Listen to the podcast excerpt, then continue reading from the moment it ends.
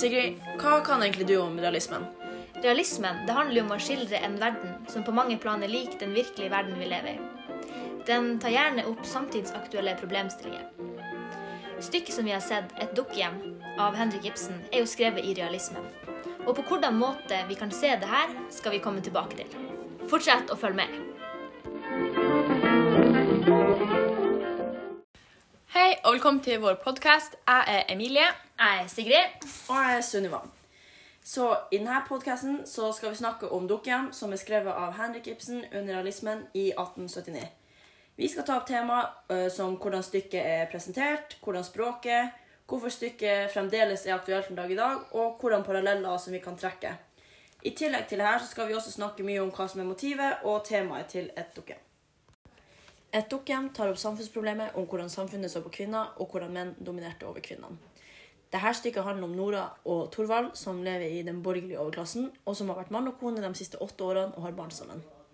I all hemmelighet så har Nora lånt penger fra saksfører Krogstad, eh, og dette gjorde hun for å redde Thorvald, som hadde vært syk lenge. Dette var jo også noe som var strengt forbudt, og hvis denne hemmeligheten kom ut, så ville det ødelegge det gode ryktet og all æra som Thorvald hadde.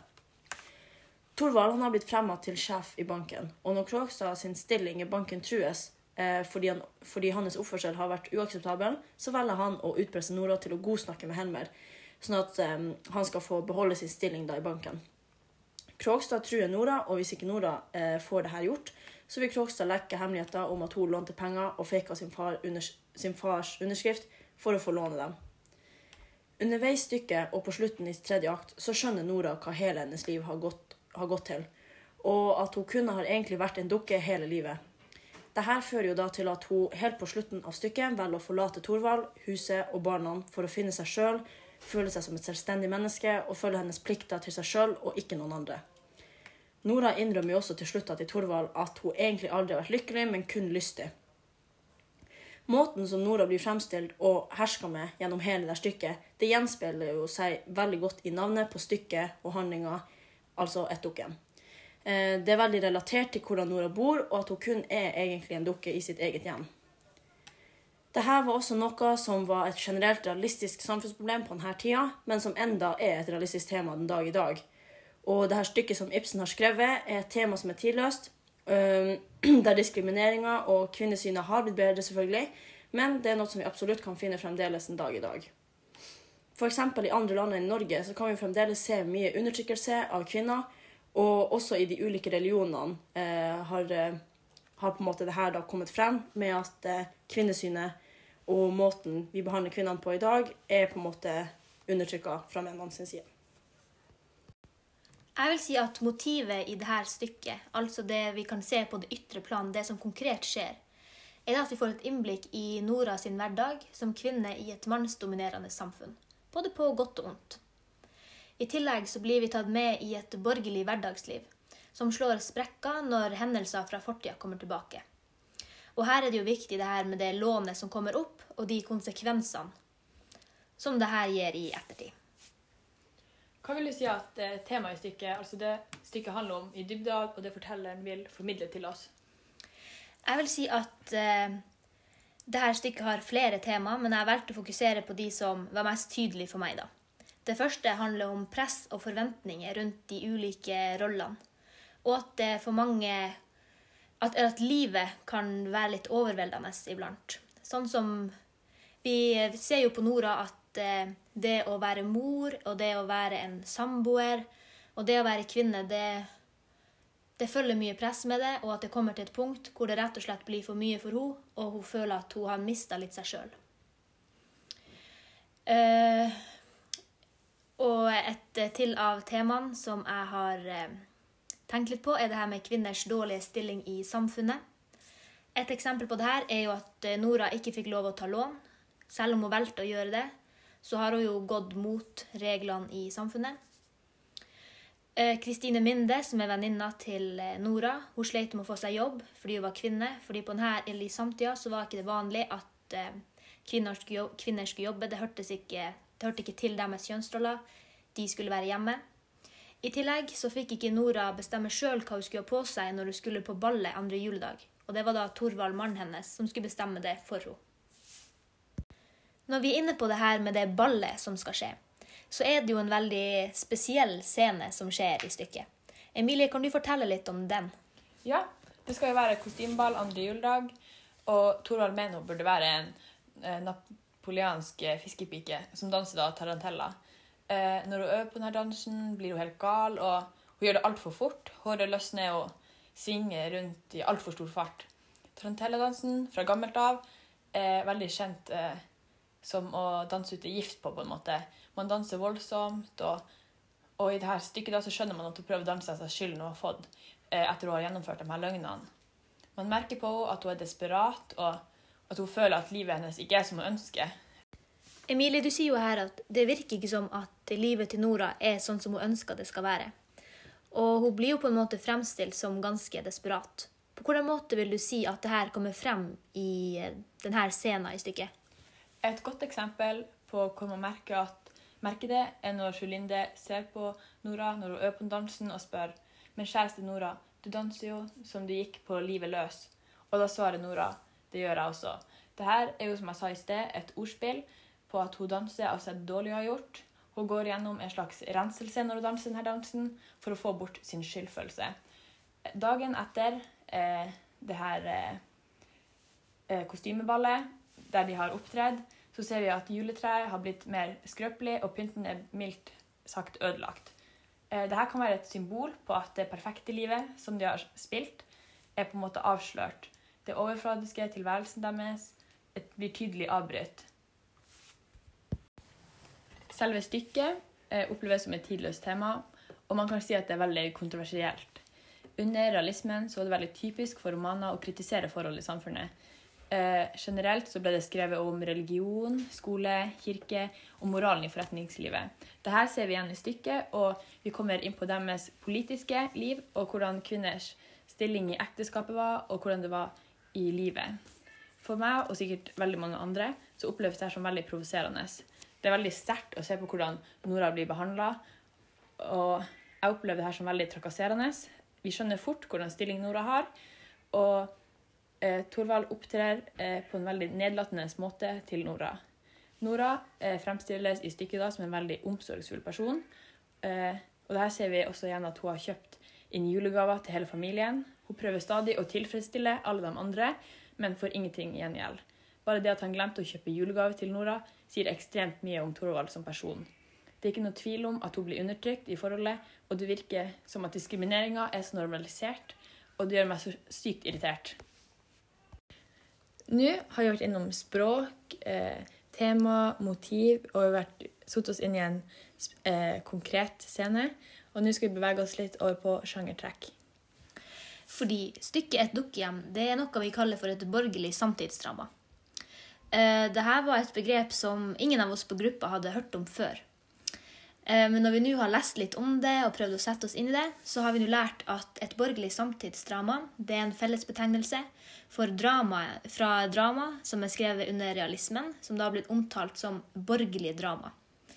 Dette kommer av at de omhandler borgerskapet under realismen. Vi kan gå ut fra at forfatterne valgte å vinkle historiene sine rundt borgerskapet. Fordi det var denne samfunnsgruppa som for det første mange av de som skrev, hørte til, men det var også denne gruppa de hadde mest kjennskap til. I tillegg så var det jo borgerskapet som var den gruppa i samfunnet som ville gå på teater for å se stykkene. Så det var selvfølgelig da gunstig at det var dem det handla om. Sånn at de på en måte kunne se seg, se sjøl litt i speilet. Et av de største og viktigste sjangertrekkene for det borgerlige dramaet er jo som nevnt over at det skal skildre borgerskapet og deres liv. I tillegg eh, blir det her med detaljer og beskrivelser viktig innenfor det borgerlige dramaet. Enhver minste detalj har en mening, og det skal være med på å gi et større bilde av noe. Eh, vi ser bare at det med postkassa dukker opp i flere scener, og vi har tolka det her til at eh, Nora er redd for at Thorvald skal sjekke postkassa, og at det plutselig skal komme dårlige nyheter. Postkassa blir gjennom eh, stykket et slags symbol for hennes redsel for å bli avslørt. Under hele stykket viser Nora en slags frykt og redsel overfor postkassa. I tillegg til at eh, ting og gjenstander får en slags større betydning, så ser vi også at dette går igjen gjennom beskrivelser og skildringer av karakterene. Eh, per, eh, Torvald, eksempel, han blir eh, fremstilt på en måte som gjør at vi tolker det som at han skal representere noe større enn seg sjøl, at han skal representere samtida og hvordan det var vanlig å være da. Eh, som mottakere av stykket så får vi et inntrykk av at Thorvald er en ganske kald og kynisk og ganske selvopptatt person. Men det her var jo også det som var normalt i samtida, når man var en mann av borgerskapet. Språket i det borgerlige drama skulle representere eh, karakterene sin status og på hvordan plass de var i samfunnet. Eh, både Torvald og Nora hører jo til borgerskapet, eller den øvre delen av borgerskapet, da. Og det her hører vi med at de snakker veldig formelt. Og litt over på det her med komposisjon i forhold til det borgerlige drama. Typisk for komposisjonen er at stykket skal følge en slags rød tråd, og at den ikke skal spore av hovedhandlinga.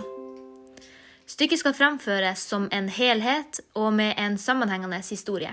Og dette skal da i lag lede opp mot en slutt.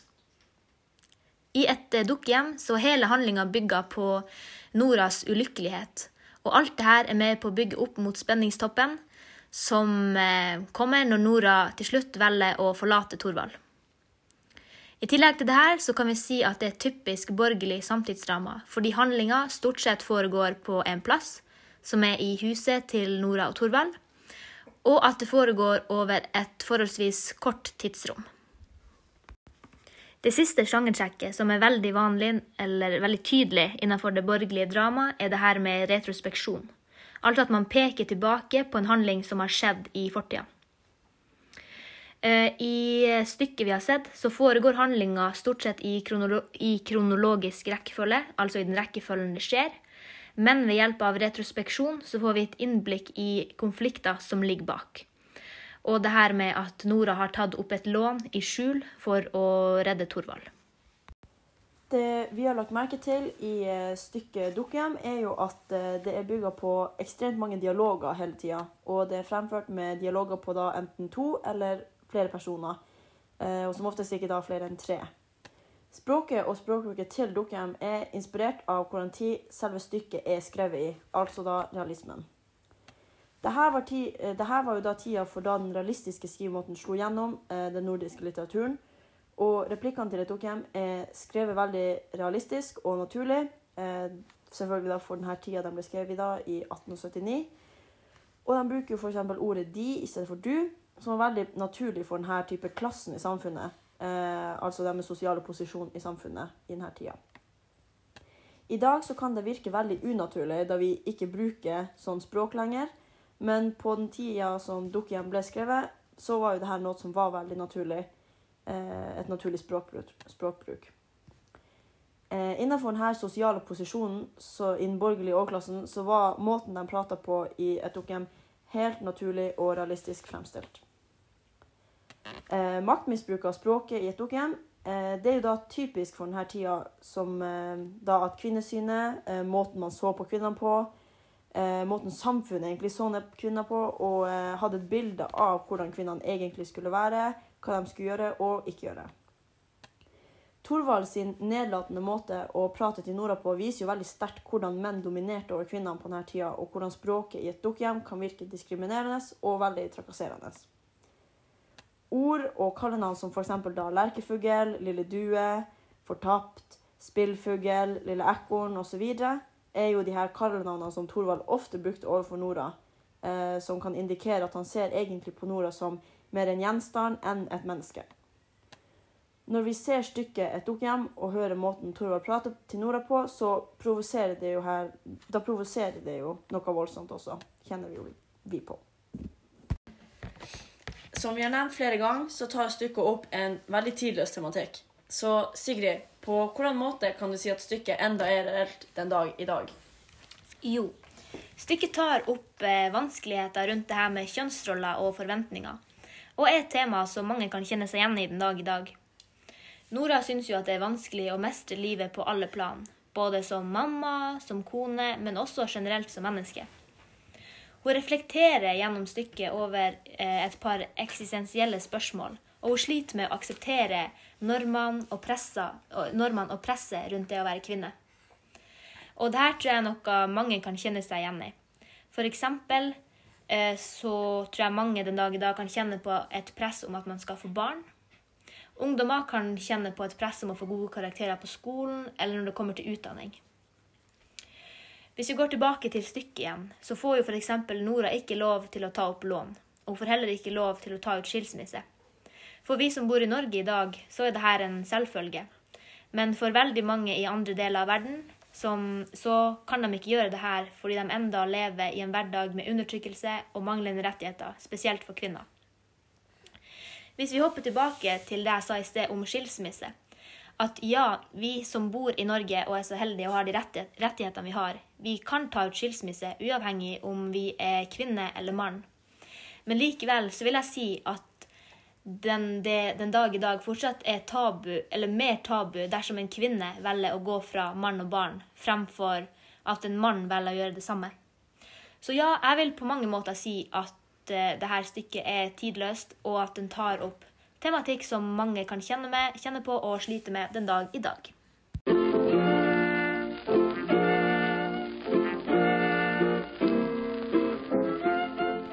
Hvis vi ser tilbake på innledninga, hvor vi spurte oss sjøl på hvordan måte vi kan se at et dukkehjem er skrevet under realismen, og hvordan vi, paralleller vi kan trekke i forhold til det her. Emilie, hva slags kjennetegn vil du trekke frem fra et dukkehjem som vi kan knytte opp mot realismen? Nei, Stykket det skildrer jo samfunnet på en reell måte i forhold til hvordan samfunnet var i samtida. Vi ser et ganske tydelig samfunnsskille, og vi får et hovedinnblikk i den øvre delen av borgerskapet, som eh, er plasseringa til eh, Thorvald og Nora. Også det her med det borgerlige samtidsdramaet, som er en sjanger som virkelig blåste opp under eh, realismen. Ja, og i tillegg så har vi jo det her med at stykket tar jo opp de her samtidsaktuelle problemstillingene, som f.eks. det her med kvinnesyn og generelt kvinnenes posisjon i samfunnet på denne tida. Og I tillegg til det så får vi jo se hvordan det med kjønnsrollene og normene kan skape et visst press, og at det kan komme til et punkt hvor det kan faktisk bli for mye. Slik som vi da så med Nora på slutten av stykket. Og så må vi jo nevne det her med språket i stykket. Karakterene har et eh, formelt språk, hvor de f.eks. bruker de og dem fremfor deg og du. Det gjør at samtalene eh, virker veldig høflige. Dette var veldig typisk for den realistiske epoken, og vi forstår gjennom det her at både Thorvald og Nora tilhører borgerskapet. Ja, og med det her så kan vi jo begynne å bevege oss bort fra Ibsen og et dukkehjem. Men før vi avslutter helt, Emilie, eh, hva syns du om stykket? Eh, stykket i seg sjøl var veldig sånn, det satte et dypt spor. Eh, vi fikk et veldig sterkt inntrykk av hvordan Nora ble behandla. Og jeg vet ikke, det gjør meg veldig provosert å se på hvor normalisert eh, det var på denne tida. Og så blir jeg også litt letta for at det ikke er sånn her det er i Norge i dag, selv om det er sånn i veldig mange land. Mm. Veldig, go veldig god poeng der. Hva du syns du? Nei, jeg er veldig enig i det du sier, Emilie. Jeg kjenner også at jeg blir virkelig irritert. Liksom. Man kan kjenne en viss irritasjon inni seg mm. over hvordan oss da kvinnene ble behandla, og at det her også var helt normalt. Mm, Sånn at eh, Nei, jeg er også rimelig glad for at det har blitt et stort At det har blitt veldig, veldig mye mer forbedra da, siden den tid. Mm. Vi er veldig heldige som bor der hvor vi gjør. Ja. Det er vi. Og så tenker jeg at dette er jo et veldig viktig stykke for oss å lære om når vi er i denne alderen, så man får et innblikk i hvordan tida har vært, og hvordan det har forandra seg. Mm. Eh, men også det her med at det er et stykke som fortsatt er aktuelt i dag. Selv om eh, kvinner er i en mye bedre posisjon den dag i dag, så er det fortsatt veldig mye problematikk rundt det å være kvinne. Og ja. det kan by på vanskeligheter. Absolutt. Mm. Nei, skal vi si oss ferdig for i dag? Ja, ja, da er vi ferdig for i dag. Det var veldig hyggelig podkast å ha med dere. Ja, Takk samme. Takk for at du hørte på podkasten. Ja, ha det bra. Ha det.